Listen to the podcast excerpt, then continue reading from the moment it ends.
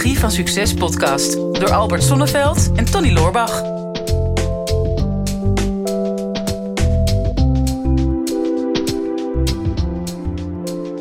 Albert, ik ben blij dat je er weer bent. Ja, en dat we ook samen zijn. Hè? Eindelijk weer eh, samen. Samen zijn. Oh nee, die, die zangcarrière die moet ik maar, daar moet ik maar niet aan beginnen, want dat wordt eh, hopeloos natuurlijk. Ja, we hebben een hele goede audioman. Ja. En die kan dit editen. Dus die kan het vast ook wel zo maken dat het heel goed klinkt. Ja, nou, daar gaan we dan maar eh, vanuit. Maar in ieder geval heerlijk om, eh, om weer samen te zijn, eh, Tony. En wat Ja. een succes, hè? Wat een succes. Godje mikken zeg. En nou ja, daar, de luisteraar werkt daar natuurlijk aan mee. Ja, Aan al die wonder, wonderbaarlijke statistieken die gewoon door het plafond gaan. Blijkbaar zijn we steeds populairder met onze podcast. ja. En het helpt goed eh, tegen eh, de eenzaamheid. Om te zien dat zoveel mensen hier eh, naar luisteren. En om dit lekker met z'n tweeën te kunnen opnemen. En dat is ook de vraag ehm, waar we het vandaag over gaan hebben. Want ik heb een vraag binnengekregen van Arno Botsen. Ehm, die heeft me een heel verhaal gestuurd via Instagram. Dankjewel Arno voor de uitleg. Maar samengevat vraagt hij... Hoe ga je om met de eenzaamheid die gelijk lijkt te lopen met jouw persoonlijke groei? En er zit een heel verhaal van Arno bij. En als ik dat een beetje samenvat, ook voor jou. Ehm, hij stuurde mij een verhaal van, weet je, als je ondernemer bent... en zeker als je een jonge ondernemer bent... eh, of niet, maar je bent bezig met persoonlijke ontwikkeling... dan merk je natuurlijk gewoon dat... ehm, je bent met allerlei dingen bezig qua ontwikkeling, zoals bijvoorbeeld je gezondheid, met eh, seminars, met boeken lezen, met business, met groei. En dat betekent dat je natuurlijk heel veel aspecten van je leven heel serieus neemt. Ja. Maar naarmate jij groeit, merk je dat je, dat je verandert ten opzichte van je omgeving. Hè? Tenminste, als jouw omgeving niet met je mee verandert. En eh, ik herken die vraag wel. Dat, is- dat is best wel moeilijk om daarmee om te gaan. Omdat je zelf eigenlijk een beetje afzondert van jouw eh, normale omgeving. Ja. eh, en verandert. En dat brengt een beetje eenzaamheid met zich mee. Hoe Nou ja, ga je daarmee om? Sowieso zet je vaak werk op de eerste plaats. En er is natuurlijk met ondernemers is er echt iets bijzonders aan de hand. Want die zijn, een goede ondernemer is per definitie onconventioneel. Dus met andere woorden, die past zich niet aan aan de grijze massa. Dat kan hij ook niet, want anders zou die niet succesvol zijn. Want die grijze massa, die wil je juist houden op het niveau waar die massa zich op bevindt. Doe nou maar normaal, dan doe je al gek genoeg. Ja. Hou je ze een beetje in, doe niet zo enthousiast. Eh, dat gaat toch nooit lukken. Met andere woorden, die proberen jou op allerlei manieren binnen hun eigen frame te houden. En ja, als ondernemer doe je er alles aan om je daaraan te ontworstelen. En Ja. dat betekent dat je veel mensen gaat kwijtraken. Ja. Nou is dat op zich, eh, hoeft dat helemaal niet erg te zijn. Want uiteindelijk is het heel fijn om je te omringen door mensen waar je energie van krijgt in plaats van dat het energie kost. Mhm. Maar aan de andere kant, er is een eh, professor, professor Scharf heet hij, uit Duitsland. Oké. En die heeft een boek geschreven over eenzaamheid. En die zegt dat eenzaamheid net zo schadelijk is als het roken van een pakje sigaretten per dag. Dus het heeft aan de andere kant ook weer heel veel invloed eh, op jouw hele algemene welzijn als ondernemer. Dus ik snap wel dat die vraag gesteld wordt.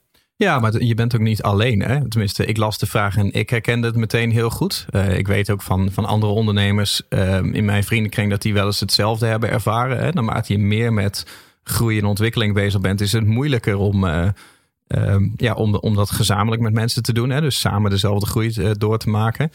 En ehm, volgens mij, ik heb een tijdje geleden iets over gelezen. Volgens mij in Nederland is het 1 op de 10 mensen heeft last van eh, eenzaamheid. En dat zijn niet per se alleen de, de oude vandaag die ergens in eh avondhuis zonnerood zitten. Nee. Maar eh, dat is van alle leeftijden. Ja, Dat is best wel een groot probleem. nou ja, dan zijn ze in ieder geval samen alleen. Dat, Ja. dat is dan wel weer een voordeel natuurlijk. Ja, klopt. Nou ja, maar kijk, er is natuurlijk een groot verschil ehm, tussen de puur praktische sociale eenzaamheid van ik zit alleen op de bank en ik ben eenzaam omdat ik toch graag wil dat er iemand naast mij zit op de bank.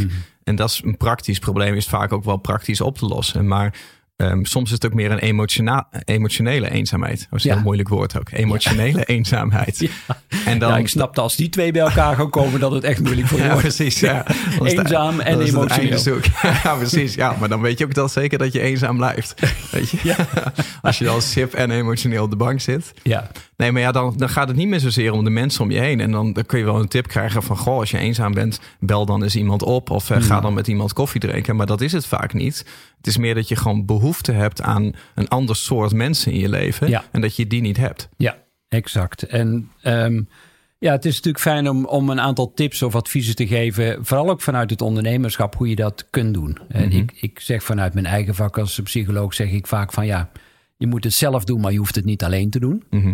En dat, is, dat geldt zeker ook voor ondernemers. Eh, en natuurlijk zijn er netwerkborrels. En, maar wat ik vaak terughoor daarover is dat mensen zeggen: ja, ik vind dan toch nog niet de gelijkgestemde mensen die ik werkelijk zoek. Mhm. Ehm, en dat komt denk ik omdat mensen het over het algemeen toch te ingewikkeld maken. Dat zal een bepaald beeld hebben van de meest ideale mastermind groep waar ze zich dan in bevinden. Nou hebben wij die toevallig al. Ja, precies. Eh, maar als je, ja. als je daarmee gaat vergelijken, dan, dan kom je alweer in dat gevoel van eenzaamheid. Dus begin met één ondernemer of onderneemster. Waar je al een goed gevoel bij hebt. Waar je in ieder geval like-minded bent. En die jou ook eh, in alles ondersteunt wat onconventioneel is. Dus Ehm, als je enthousiast bent, gepassioneerd bent, vol in de energie zit over iets wat andere mensen misschien denken van ja, waar, waar heb je het over? Maar iemand die heeft zoiets van nou, ga maar door, weet je, want ik geloof in jou.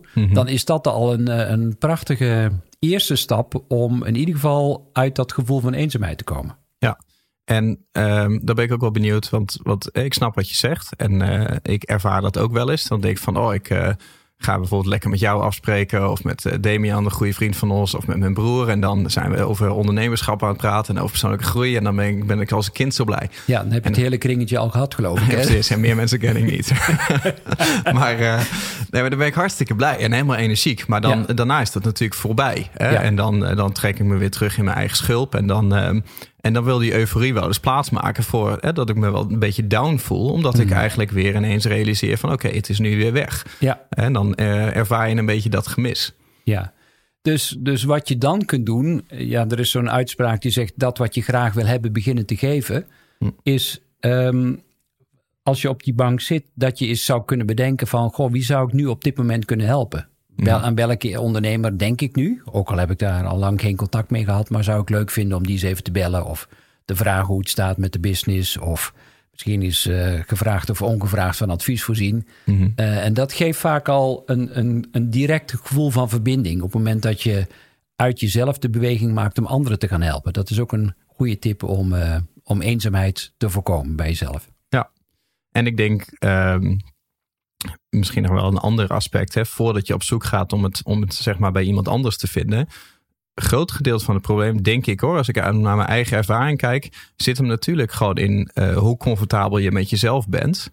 Ehm, en dat je ook accepteert dat dat niet een soort van absolute staat is.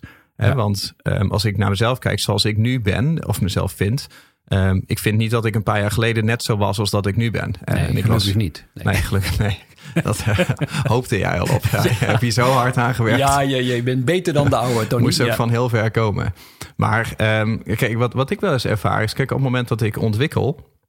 dan ben ik heel blij met de ontwikkeling die ik doormaak. En ehm, dat kan bijvoorbeeld zijn dat ik serieuzer eh, met mijn gezondheid bezig ben... of met mijn eh, sporten, of met mijn, met mijn business... of met eh, meer geschiedenis leren of met filosofie... of alles waar ik maar interesse in heb.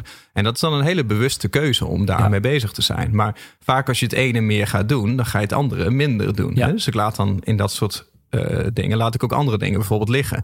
Dus door de jaren heen eh, minder gaan stappen bijvoorbeeld. Hè? En eh, minder met de feestjes mee. Ja. En dan merk je toch dat er een soort van conflict in je hoofd ontstaat op het moment dat jij bij de vrijdagmiddagborrel afhaakt. Waar de rest gezellig heeft. Dat jij dan Ja. naar huis gaat omdat je denkt van ja, maar ik wil morgenochtend vroeg sporten of ik wil iets, iets anders doen. En dan heb je zo'n soort van identiteitsconflict van Ja. ja, ik, ik ben nu eigenlijk de, de nieuwe ik. En Mhm. daar ben ik blij mee. Maar ik ja, moet ook afstand doen voor het oude. Van Ja. het oude. En met het oude maakte ik mezelf misschien wel veel makkelijker in sociaal opzicht. Dus ja, dan zit ik toch een beetje eenzaam thuis. Me heel goed te voelen over mijn eigen ontwikkeling. Het is Ja. een beetje dubbel. Ja, dat, dat- en dat is het ook. Ehm, en dat komt vaak omdat je ja, een soort instant geluk ver- verwacht van die verandering. Mhm. Eh, maar dat weet je ook, eh, relaties is echt duurzaam. Duurzaam investeren. Hm. Eh, dus, en dat groeit ook geleidelijk. Ehm, ja, ik merk ook in mijn langdurige relaties dat ik, dat ik ehm, ja, ook steeds weer nieuwe aspecten van mezelf ontdek in relatie met die ander. Hm.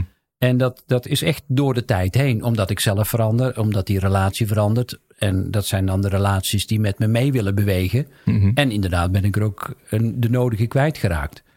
Maar ehm, het, het gaat vooral over het, het plezier van het blijven investeren in een duurzame relatie. En ik heb wel eens een, een oefening gedaan. ehm, en dat is best wel een emotionele oefening. Met, met mensen in de zaal. Dat ik zei: Oké, Stel je nou eens voor dat je een, een lijst maakt van mensen waar je helemaal van overstuur zou zijn als die niet meer in je leven zouden zijn. Hm.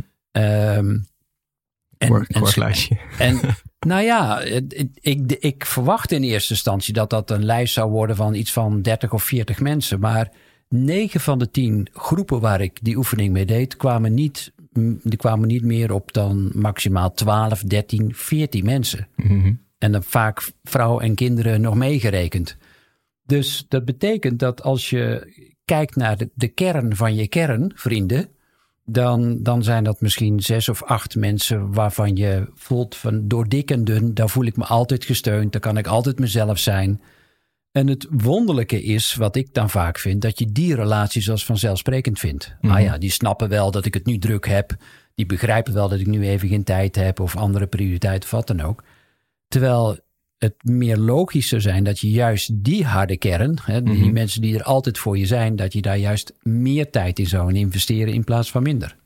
Ja, doet me denken aan een stukje van eh, eh, Rico Verhoeven had het daarover. Hè? De, de vechtsporter, die werd ook zo'n vraag gesteld van... Hè, je als, als professioneel sporter moet je best wel een beetje egoïstisch zijn. Hè? Sowieso, als je echt carrière wil maken, moet je denk ik best wel een beetje egoïstisch zijn. Ja. Hij zei, dan moet je dus ook veel eh, vrienden eh, afzeggen of veel relaties laten zitten. En je kan er niet altijd voor je omgeving zijn.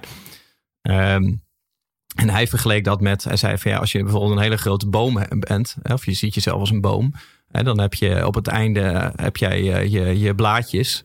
En dat kan je een beetje zien als je vluchtige contacten. Hè. Die, Ja. eh, die ken je wel, die raak je wel aan, maar bij het minst of geringste zuchtje wind, dan, dan zijn ze vertrokken. Ja. En dan iets dichter bij je heb je, je je takjes, zeg maar. Dat zijn dan wel een beetje de, de goede kennissen of de vrienden. Ja, de, de, de takkenvrienden. Takkenvrienden, takkenwijven. Maar zodra het Ja. dan wat harder gaat waaien, dan breken die ook wel. Ja. Dus zodra het moeilijker wordt, breken die. Dus dan heb je een aantal eh, vrienden of mensen om je heen... en die behoren echt tot, tot je stam. Hè? Tot, echt tot de kern, tot het fundament van wat jou maakt tot wie je bent. Ja. En ik denk, zolang je dat hebt en dat helder hebt wie dat, wie dat zijn... dan zou je in principe ook nooit eenzaam hoeven zijn. Nee. Nee, dus, dus ehm, wat belangrijk is, is dat je voor jezelf herdefinieert wat betekent contact voor mij. En want we hebben het over begrippen als eenzaamheid en verbinding, maar, maar wat versta je daaronder? Het is Mhm. net als een woord liefde, dat is natuurlijk ook zo'n groot containerbegrip. Mhm. Ehm, maar wat, wat versta jij eronder? Mhm. En heb Ja, je dat kan niet in deze podcast. Het is geen 18-plus podcast. Ja, nou ja, goed. Ehm, wat het dan ook maar is, hè, of het nou een seksuele liefde is of een eh, emotionele liefde, of eh, gaat het bij jou over Praktische liefde. praktische liefde, welke vorm dan ook. Ehm, het is belangrijk dat je dat voor jezelf definieert, maar ook de mensen waar jij eh, heel graag mee in contact bent, dat je ook weet wat zij eronder verstaan. Mhm. Want vaak heb je een, een heel andere vorm van communiceren hè, de, eh, daarin. Hè. Mhm. De een die vindt het heel prettig dat hij eh, die vorm van contact laat zien. In de vorm van sturen van een appje of het geven van een bos bloemen. Of, dus dat zijn veel meer de visuele mensen. Mhm. Anderen willen het veel meer voelen. In de vorm van eh, aanraking of contact. Of eh, in ieder geval iets fysieks of nabijheid. Of eh, echt dat je voelt van hé, hey, die, die persoon is in de buurt. Mhm. Weer andere mensen willen het graag horen van je. Hè? Dus, dus nou ja, dan moet je even bellen of in ieder geval met ze praten. Mhm. Ehm, want zo heb jij jouw eigen, zoals ze dat in de NLP noemen, representatiesysteem. Om contact te maken. Maar we vergeten vaak dat de ander, waar we dan graag verbinding mee eh, hebben, ook zijn eigen persoonlijke voorkeur heeft als het gaat over representatiesysteem. Dus Mhm. begin eens met te onderzoeken van wat versta ik onder verbinding en hoe moet die verbinding er dan uitzien en zit die andere partij daar ook op te wachten of kan ik daarin in het midden iets vinden wat voor ons allebei prettig is? En heb jij zelf dingen in je leven, zeg maar, wat, wat is het moment dat jij het meest eenzaam voelt? Weet je dat? Ja, het, het, er, was een, een liedje van, van Sophie Peters. Dat is een carnavalsliedje, want die komt uit zuiden. Hè. Dat had je Mhm. inmiddels wel begrepen natuurlijk. Ja. Zo een lekkere combinatie, een, een Groninger en een Brabander. Ja, er zit altijd Onze- een hoog drukgebied hier tussen ons. Onze lieve heer heeft een groot gevoel voor humor, denk ik. Maar Sophie Peters die zong van... eh, met duizenden om me heen voel ik me zo alleen. Hm. Het is juist, het is, het is als ik in mijn eentje in de berg in de natuur loop... dan kan ik me verbonden voelen met alles en iedereen. Maar het is juist als ik in een groot gezelschap ben, dat ik me vaak meer eenzaam voel. Omdat ik dan, dat, dat is voor mij dan zo overweldigend, eh, dat ik eigenlijk te veel keuze heb met wie ik me op dat moment ga verbinden. En dan is, is eigenlijk de optie om me dan met niemand te verbinden. Eh, en dan wil ik daar ook graag weg, want dan denk ik, pff, eh, het, is, het is overweldiging op, op heel veel gebieden. Dus je ziet me ook niet zo snel op beurzen of eh, ik ga veel meer, als ik ga voor zakelijk contact, ga ik veel meer voor het één contact. Want daar, daar heb ik het gevoel dat er ook veel meer aandacht kan zijn ook. Maar is dat dan als je rondloopt, bijvoorbeeld op een beurs of in een groot gezelschap, dat je natuurlijk met de meeste mensen om jou heen waarschijnlijk niet verbonden voelt? Nee. En dan eh, waarschijnlijk voel je je dan in je hoofd juist heel alleen, omdat er in jouw hoofd hele andere dingen omgaan dan in de hoofden van al die mensen om jou heen. Ja, sowieso. En dan hoe meer spiegels, hè, zo zie ik dat dan, hoe meer spiegels dat ik dan om me heen heb die me herinneren aan wat ik allemaal niet ben. Hm. Eh, ja, Ehm, ja, des te, des te duidelijker wordt dat dan ook onderstreept van, van wie ik niet wil zijn. Ehm, dus ja, dat kan een gevoel van eenzaamheid geven als ik het die betekenis ook geef dan. Mhm. Er is wel een verschil voor mij tussen eenzaamheid en alleen zijn. Ja. Nou, die vind ik wel interessant. Want kijk, ehm, isolement of sociaal isolement. ehm, als ik naar mezelf kijk, in principe staat dat bovenaan mijn verlanglijstje. Je, je kan mij niet blijer maken dan wanneer je zegt van je bent morgen de hele dag vrij en je mag de deur dicht houden en je hoeft, en er, er komt niemand, zeg maar. Ja. En want dan ben ik eh, productief en, en ik ben ook gewoon graag alleen. Ik denk dat dat ook de basis is dat, weet je, we hebben het dan over liefde. Maar het begint met zelfliefde. Weet je, Ja. je moet 100% gelukkig met jezelf kunnen zijn. Ja. En daar heb je niet iemand anders voor nodig. Ehm, dus iemand anders is niet een invulling van jouw leven, maar is een, is een aanvulling erop.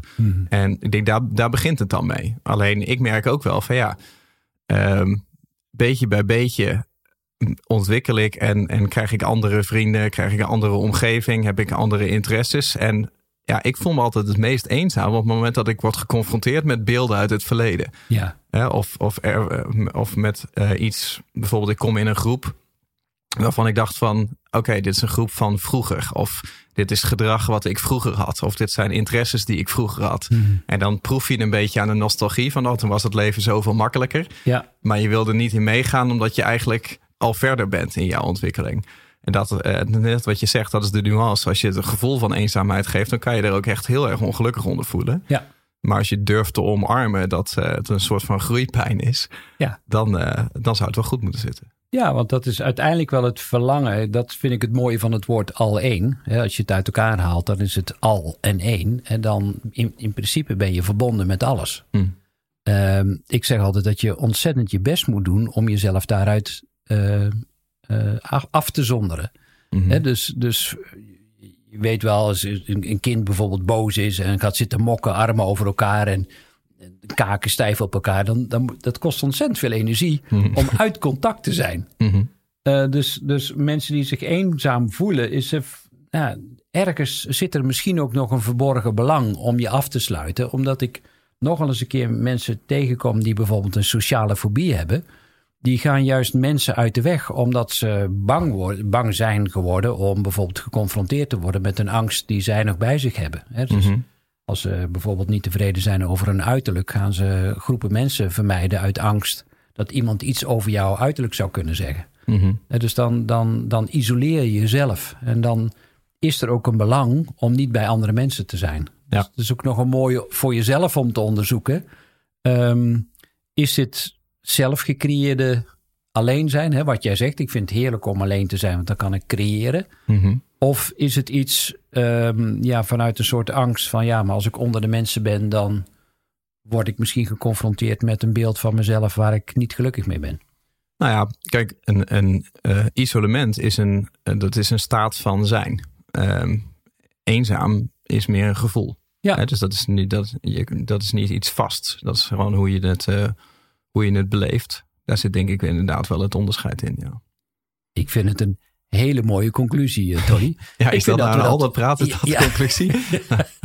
Ik Nou. vind dat we dat samen wel heel goed gedaan hebben, eh, eerlijk gezegd. Ja, en eh, we hebben nog 30 seconden tot aan de 20 minuten. Maar nee, weet ik, als ik hem moet samenvatten, sa- samenvatten dat is het wel met name. Weet je, eenzaamheid is een gevoel, isolement is een staat van zijn.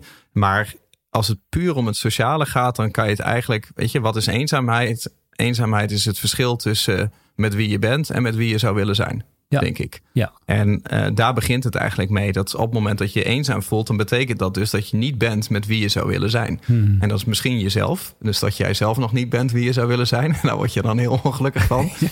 Of je mist een aantal mensen in je leven. En niet zozeer een hoeveelheid mensen, maar gewoon de juiste mensen met de juiste interesses. Um, ja, en als je weet welke interesses dat zijn, dan kan je er heel specifiek naar op zoek gaan. Ja. Ben je eenzaam? Blijf dan naar onze podcast luisteren, want wij zijn altijd bij je. We praten je er wel doorheen. Dit is de Psychologie van Succes podcast door Albert Sonneveld en Tony Loorbach. Ja, beste luisteraars, dat was hem alweer voor vandaag. Weer een aflevering voorbij van uh, de Psychologie van Succes. Ik hoop dat je het waardevol hebt gevonden en um, wat je ons dat ook zou willen laten weten. Uh, mocht je nog niet geabonneerd zijn op onze podcast, doe dat dan even. En wat we heel erg tof zouden vinden, is als je ook even een review zou willen achterlaten. We vinden het natuurlijk heel leuk om te horen van jou wat je van de podcast vond, welke inzichten je eruit hebt gehaald. En om dat natuurlijk in de review-sectie terug te gaan lezen. Heb je nou een vraag en je zou graag met jouw vraag in de uitzending willen komen? Stel hem dan op de social media. Onze kanalen zijn vooral LinkedIn en natuurlijk Instagram. De beste vragen pakken we eruit en grote kans dat je dan terugkomt in deze podcast.